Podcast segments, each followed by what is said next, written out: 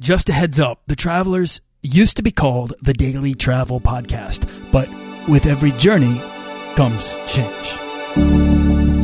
This podcast is produced by Holocene, a community of creative travelers. If you want to get serious about planning that next trip, writing that book, starting that creative project, or launching that business, we're breaking down the barriers between where you are and where you want to be together at joinholocene.com. That's join, H O L O C E N E.com.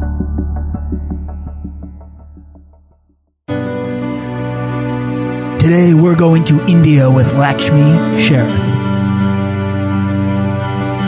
Do you want to travel further and more often to visit new places and meet new people and expand the role that travel plays in your life? I'm your guide, Nathaniel Boyle, an explorer that wants to help you get out, see the world, and find meaningful, life changing experiences. Everyone wants to be adventurous and have great stories, to do the stuff of legend. This is the Daily Travel Podcast.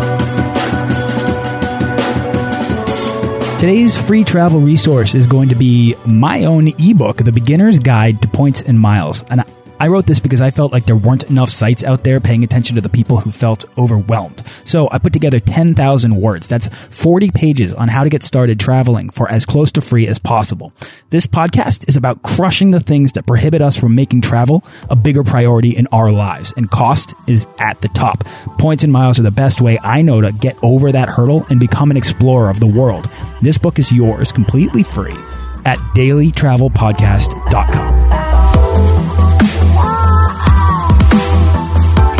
Well, today's guest is an Indian born, world traveling writer, blogger, and photographer and media professional, having worked at one of India's most widely read newspapers. Uh, her work has been published on dozens of media outlets, and in 2005, she left, or 2007, she left her 15 year career in corporate media for a creative sabbatical uh, to travel the world and really just get out and experience that. And since then, she's been to 25 countries across five continents and continues covering her journeys in her work, which is published internationally. So I'm really excited to get Lakshmi Sharath onto the show and uh, just discuss why she travels, how she does it, and uh, a lot about her home country, which I'm excited to get into. So, uh, Lakshmi, welcome to the show.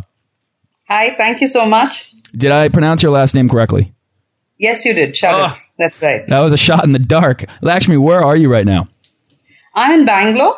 It's my hometown and I'm just lazing around. There's it's raining outside. It's quite dark and there's nothing one can do right now other than just enjoy the rains. All right, so let's get really specific. Where is Bangalore in India? Where uh, in in general for anybody listening that's not familiar with Indian geography? Okay, Bangalore is in South India. It's uh, Okay, if you want to get into some Wikipedia information, it's the capital of the state called Karnataka, but and it is known to, be the IT capital, one of the earliest uh, you know cities in South India, which started becoming famous with IT, which is information technology. So you have uh, tons of IT companies around here, and uh, and I live here now. Okay, so now Karnataka is just north of uh, Kerala, right? Which is right on the southernmost, almost the southernmost tip. Yes. Okay, so you're so you're pretty far south. So you are in southern India. Right. All right, good. We've got that established so that when we get into India and we get into the differences between north and south, we'll know where where, where our starting point is. So, Lakshmi, I shared a little bit about you, but I want you to introduce yourself. Uh, you know, tell us who you are and how you got started traveling. See, it, all started about seven years ago. I was a hardcore corporate uh, media top executive. I had n- never in my dreams dreamt that I would quit my media job ever to start traveling. But having been in, you know, caught in a cubicle 15 years, at some point of time, I started realizing that I wasn't growing as an individual. I was getting trapped in my own little world, and there was a wide world outside that I wanted to see and explore. So one fine day, I just walked up to my boss and I said, I'm done. I'm just going to quit my, quit my job and just move on. So he was a little shocked and he said, what's wrong with you? I mean, you have worked for about 15 years. You've grown up to this level and what's wrong with you? Maybe you just need a break. So you take a three month sabbatical. I took the three months off and I just explored, you know, without any agenda. It was not like I wanted to get into writing or traveling or freelancing I, I, or, or even do soul searching. I just wanted to chill and I just explored my own backyard to begin with. I started going into rustic Karnataka. I went and saw Uh, I went into a lot of villages. Uh, I spent a lot of time in the countryside. I discovered hidden uh, temples which were more than thousand years old. I sat with the locals and had uh, you know, local drinks with them and chai with them, which, you know, and, uh, you know, and, and, and it was very interesting because the journey became the destination. You know, sometimes travel is not all about going to one place, do sightseeing, coming back and writing about it. It's, it's about exploring, getting into the feel of a place, meeting new people, sitting with them, having a chat and doing nothing. And, and that's what I did and uh, and I almost went to all, almost 10, 15 villages. Um, I uh, went on a trail of a very ancient dynasty which ruled uh, South India around thousand years ago, and uh, they had built a lot of monuments. Some of them were in the tourist, uh, you know, they were they're in the tourist circuit, but some were not. And uh, it was interesting to go and you know see these monuments because they had more than heritage monuments; they had become part of the milieu uh, of the local uh, village. And you know there would be just people sitting by the lake there, and and there'd be a temple around, or there would be farms around, and you're just sitting there and looking at the greenery. Or uh, you know some temples would be closed and then you know you'd go to the locals and say can i see this temple? and say here take the key open it yourself. And here you are staring at you know monuments worth which are thousand years old and nobody really you know it was not even in the tourist circuit. And i was sitting there and just having you know really um, having a very good time and you know chilling. And that's when i decided that no more corporate jobs no more desk job for me. I this is what i wanted to do. And I came back and I started documenting my travel. I had a travel blog, which was not, I mean, I wasn't really updating it because stuck in the uh, corporate rut, I wasn't having the time to do that. But now I had all the time and I started just writing and writing and writing. And, and then a lot of people started, you know, responding and chatting with me. And I made a whole lot of new friends. And, and that's it. I just decided I'm not going back to a corporate job. So Lakshmi, had you traveled internationally before you left your job? Yes, I had. I've traveled on work. Um, my first international trip was almost 20 years ago. Uh, when India was hardly, we didn't even have a mobile phone then in India. Uh, we didn't have the internet. There was, we didn't know what an email was, let alone Skype. And, uh, and that was the time I, I visited, uh, I think my first country I visited was Australia and New Zealand. And, uh, after that, uh, three, four years later, I'd gone to South America. So, um, but all that was when I was very much a student and when I was very much working. Um, and uh, it was just part of either work or just on a holiday. Um, not as a, you know, not someone who would look at travel as, as, as a, as as a way of life. Yeah, as a way of life, exactly. All right, so I'm really interested in a lot of what you just said, and I kind of want to unpack it in a way. My first point that I need to make, Lakshmi, is that a lot of the people that come on this show are Americans, are North Americans, Canadians, uh, people from the U.S., uh, and they say exactly the same thing that you're saying, and I and I want this takeaway to to be to be recognized that this sentiment to to go out and explore the world it's kind of a universal desire that people all around the world want to travel more. We people, we as humans, I think, are curious about new things, right? I, I believe that it's inherently built into us as people that we want to go out and we want to explore. And so within. I completely agree with you. I have had so many friends in India itself who have quit their respective careers. Many people who want to explore, even though they are still working, they every weekends they take off to explore. And uh, like I mentioned earlier, traveling is not about always going to one destination and doing sightseeing and ticking off monuments or places to see or museums. It's a way of life. It's about, you know, experiences. It's about meeting new people, soaking into new cultures. Uh, sometimes you just, you're just an observer. You don't even have to be a participant. Uh, when I go abroad, uh, I, I, just love to sit in a square and just observe life around me. Um, I, I, I can do nothing for hours and, and, and yet feel that I have explored the place. Uh, because without seeing a single monument, because there's so much that you can see, you know, around you, which talks of, which tells you about the place. So uh, I think it is a universal phenomenon that people don't want to get stuck in what they're doing. They want to go out. They want to. They don't want to be frogs in a well. They want to see new cultures. They want to meet new people. They want to share experiences. They want to delve into new things because there is a curiosity to explore beyond what we do every day. And also, some of us like to get out of our comfort zone as well.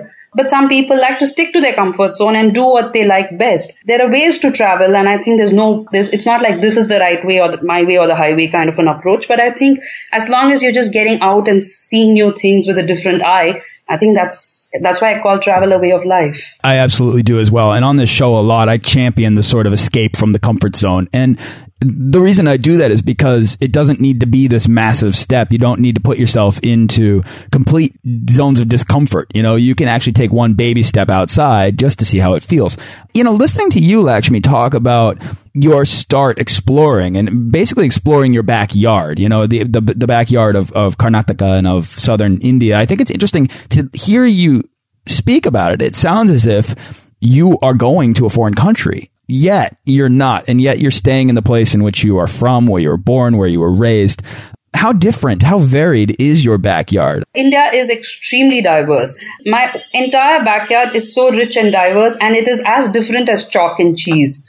And each region is very different, even in my own backyard. Food is very different. People's languages are very different. Cultures are different. Folk there's a lot of folk traditions that happen. A lot of people have different forms of worship, different cultures. Even the, the, their wedding ceremonies are very different. Their festivals are very different. There is, for instance, a community uh, in, um, in, in in Karnataka in a place called Coorg uh, who celebrate weapons. You know, because they are they come from a martial uh, kind of a background. There are people who worship their ancestors, not necessarily gods and uh, you know uh, and deities. And and as we delve deeper and deeper, uh, there are there is a lot of interesting people I meet. Like for example, um, uh, though it's a neighboring state, Tamil Nadu, but it is very much a weekend getaway from uh, Bangalore.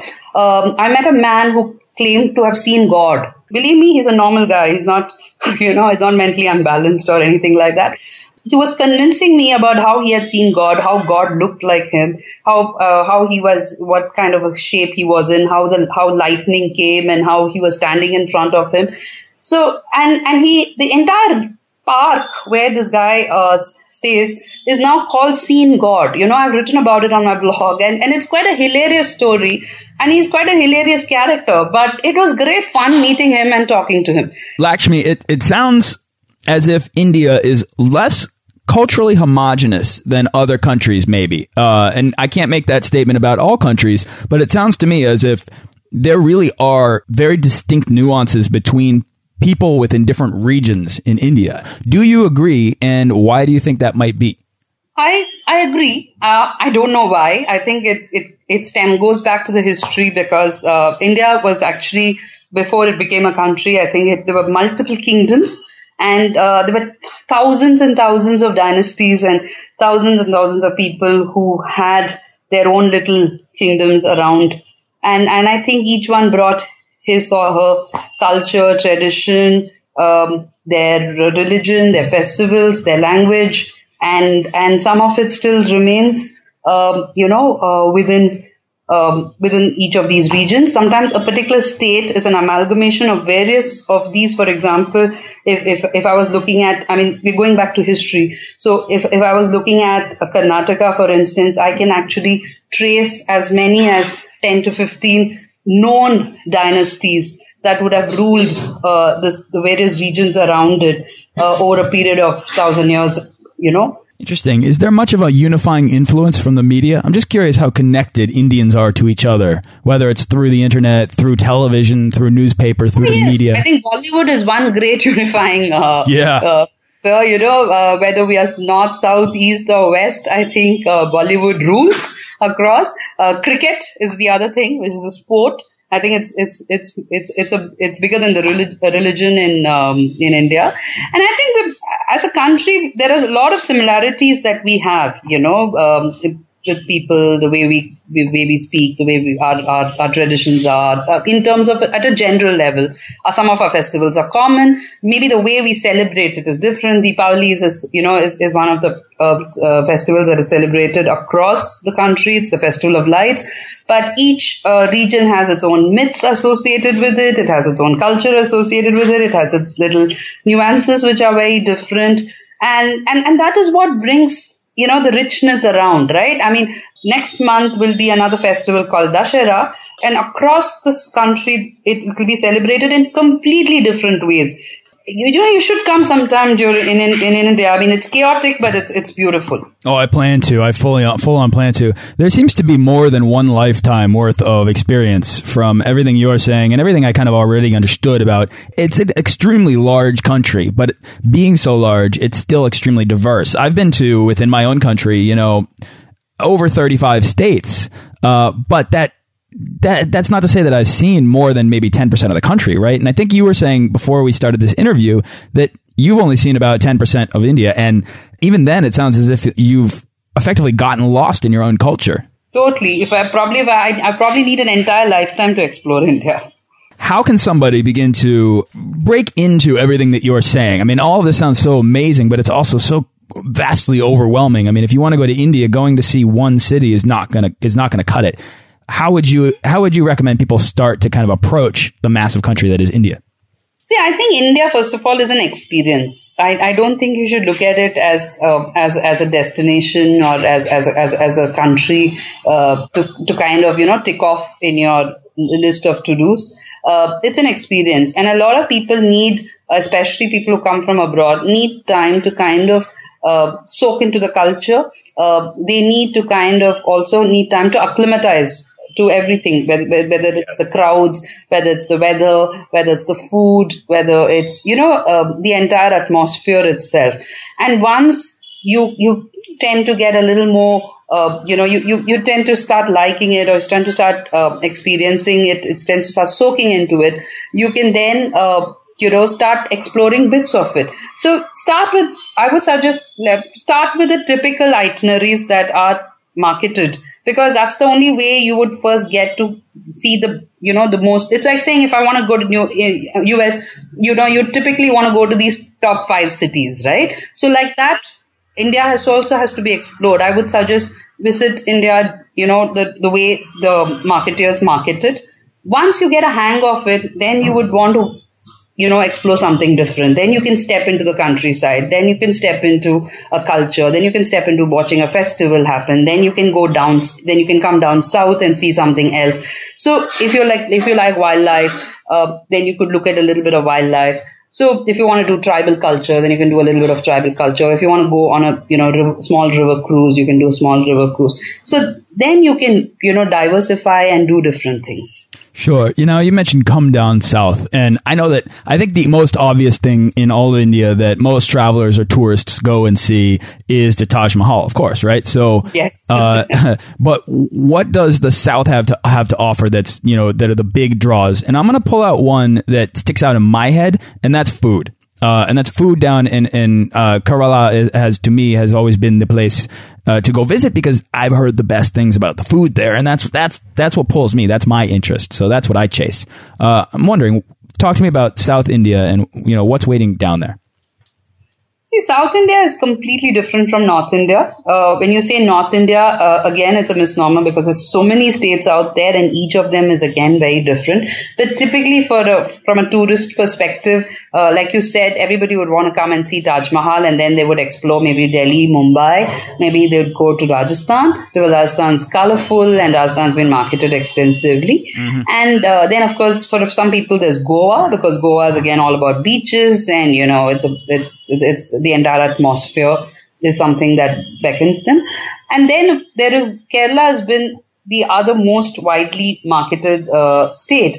Uh, Kerala is beautiful because it's it's got uh, in terms of uh, you know natural landscapes, very very beautiful landscapes. It's got the backwaters, um, but it's also got a lot of culture in it. It's also got a lot of um, you know uh, tea plantations, and it's got wildlife sanctuaries, and a lot of elephants, and I, I mean a lot of different exp- experiences as well. There are a lot of monuments for people who like heritage. So, but Kerala is just one of the many states. I strongly recommend that people should visit Tamil Nadu and Karnataka. Uh, both of them are very rich in terms of cultural diversity. Tamil Nadu is more so with heritage and monuments and temples. All of these are extremely ancient. They are far more ancient than the Taj Mahal. Um, the the Tanjavur, uh, you know, the Chola temples are World UNESCO sites. They're called the Great Living Chola temples. There are three of them, out of which the big temple, which is it's called the big temple because it's it's huge, and I say huge. It's it's the the, the you know the the kind the tower that is over the shrine is all is 200 plus feet tall and you cannot imagine how it was built thousand years ago and uh, and the, these are really living marvels and uh, and I would really if you if someone is into heritage should come and see these kind of monuments because it it really makes you feel humble and fill, fills you with awe uh, Karnataka again has very beautiful landscapes. It's got diverse cultures. It's for people who love uh, the Western Ghats, for instance, the entire mountains, uh, which spreads across uh, both Kerala, Karnataka, and goes up on the on the coast along Maharashtra. Very beautiful landscapes if if you get to see them.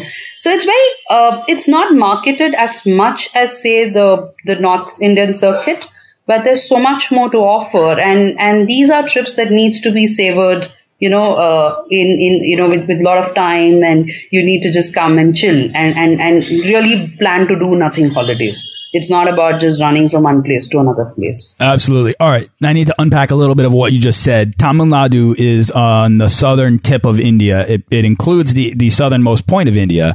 And uh, Karnataka is just north of that. And it uh, it's about, like, I don't know what, it's it's above uh, Kerala. Just and above Tamil Nadu. I want to talk to you right now about the differences between for anybody that's listening that doesn't fully understand, and I'd actually like to get a clearer picture myself on the differences between North and South India.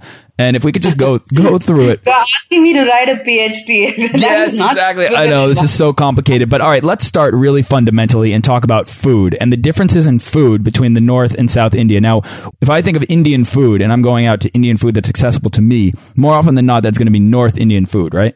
I would think uh, in South India is a lot of rice uh, you know, whereas North India has a lot of wheat and breads. Uh, a, a, lot of uh, South Indians like to eat uh, rice with curry, uh, rice with either vegetarian curry or, or chicken curry.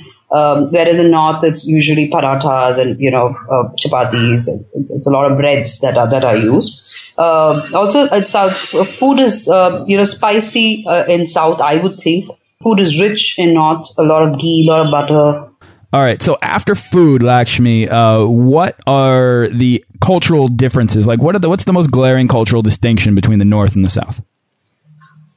I would say festivals to begin with. They're not. It's not a glaring difference. It's just the way people celebrate uh, certain festivals. Um, I would also think the way uh, people would, um, you know, um, uh, uh these nuances, as you say, yeah. Um, are not so obvious uh, to to a traveler. You know, uh, it's more the sights and sounds that that that makes a difference. It's only when you live in these cities that you start observing these differences. Which is why, like I said, India can be very, uh, you know. Um, there's a uni- unity in the diversity. But once you start living here there and you want to live there for say three months or six months, only then you would start realizing uh, these differences. Interesting. Okay. Well, that's kind of exactly why I'm trying to get a clearer picture because most people who go to India won't have that time to really ever understand. Yeah, that's what I said. If you're a traveler, you would hardly be able to pick any of these differences. So everybody looks the same, everybody dresses the same, maybe the languages change. Uh, a little bit of food would be there. The street food would taste a little different. The spices would be a little different. Uh, you know, but uh, some cultural traditions will be different. Uh, but end of the day, India is India, you know.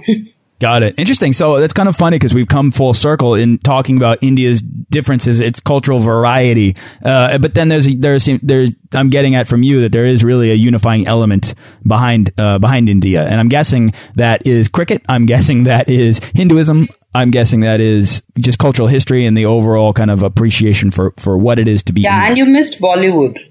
Yes, I missed Bollywood. I'm sorry. Bollywood is huge, massive. Bollywood huge. yes. So this is the part of the show where we're going to boil down the how and the why of travel into pragmatic advice. So I'm going to come at you with a series of questions and you'll give me your best travel advice. Sound good? Sounds good. All right. For a lot of people, actually, taking that first step out the door, it can be the hardest part of travel. So what's your advice for anyone dreaming to take that first step to becoming a world traveler and, as you say, creating a lifestyle of travel?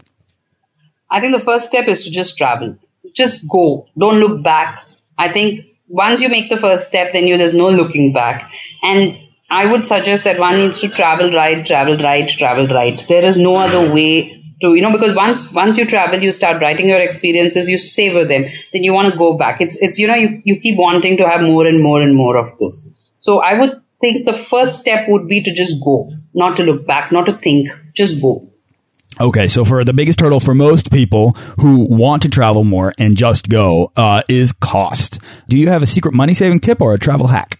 See, one of the things that I've discovered, whether it's traveling in India, and believe me, traveling in India is not cheap by any standards. Even for an Indian like us, it's very, very expensive if I want to travel to North India. Flight fares are so expensive.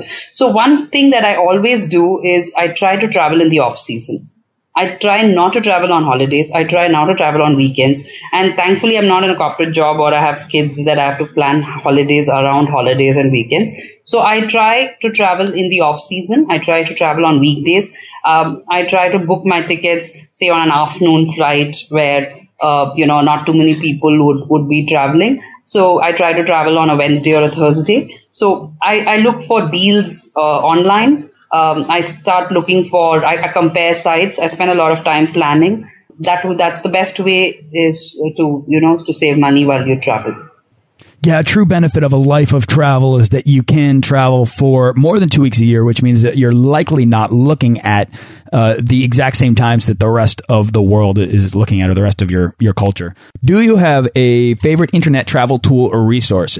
See, if, for, for international travelers coming into India, I would look, recommend this site called Indiamike. Uh, it's not for me, but most mostly for foreigners coming in India because it's a it's a website set up by a lot of expats and uh, and and they have discussed almost every known uh, question and doubt and uh, this you know that that that would come up in in these forums there it's purely a lot of articles and a lot of forums and uh, if somebody wants to travel to India, I would recommend that to, you know, rec- I recommend them to check that out. IndiaMike.com, it's called. How, how do you spell Mike?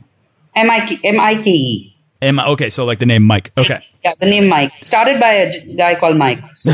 Makes sense now. Lakshmi, here's the challenging question for a vegetarian. What is the weirdest thing you've ever eaten? Don't you think being a vegetarian is weird enough? I do. you know, Plenty I, of people would think so.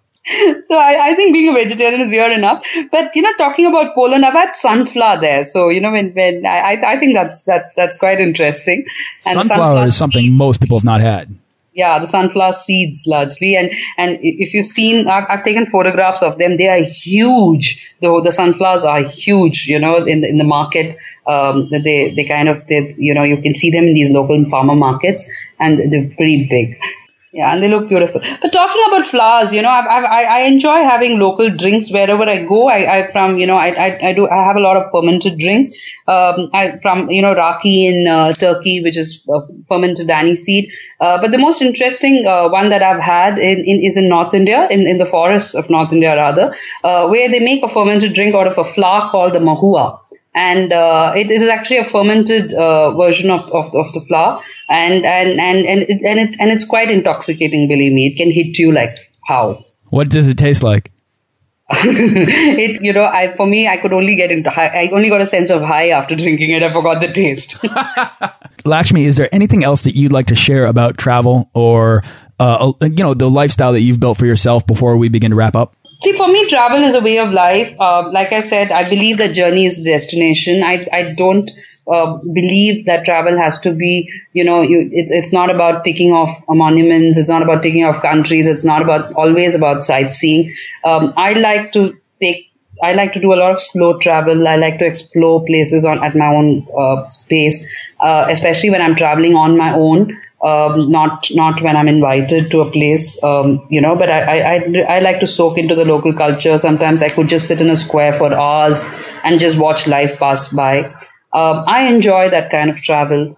But I think, uh, irrespective of what kind of travel people do, whether it's adventure travel, whether it is, you know, uh, lazy travel like me, or bird watching, or wildlife, or heritage, uh, I think the most important thing is to just step out of your uh, little backyard and step out of your little home and just explore your own backyard or, or and, and then from there go on to explore the world because there's so much to see and there's so much to do and we have just one life you know. I might sound very philosophical but i i really believe that one needs to explore as much as you can I agree. This is this life is your one chance to do all the things that this world has to offer in as little time as we all have. Uh, Lakshmi, what's exciting you the most right now? Where's your next trip? I'm I'm kind of probably be heading to Europe sometime uh, in September.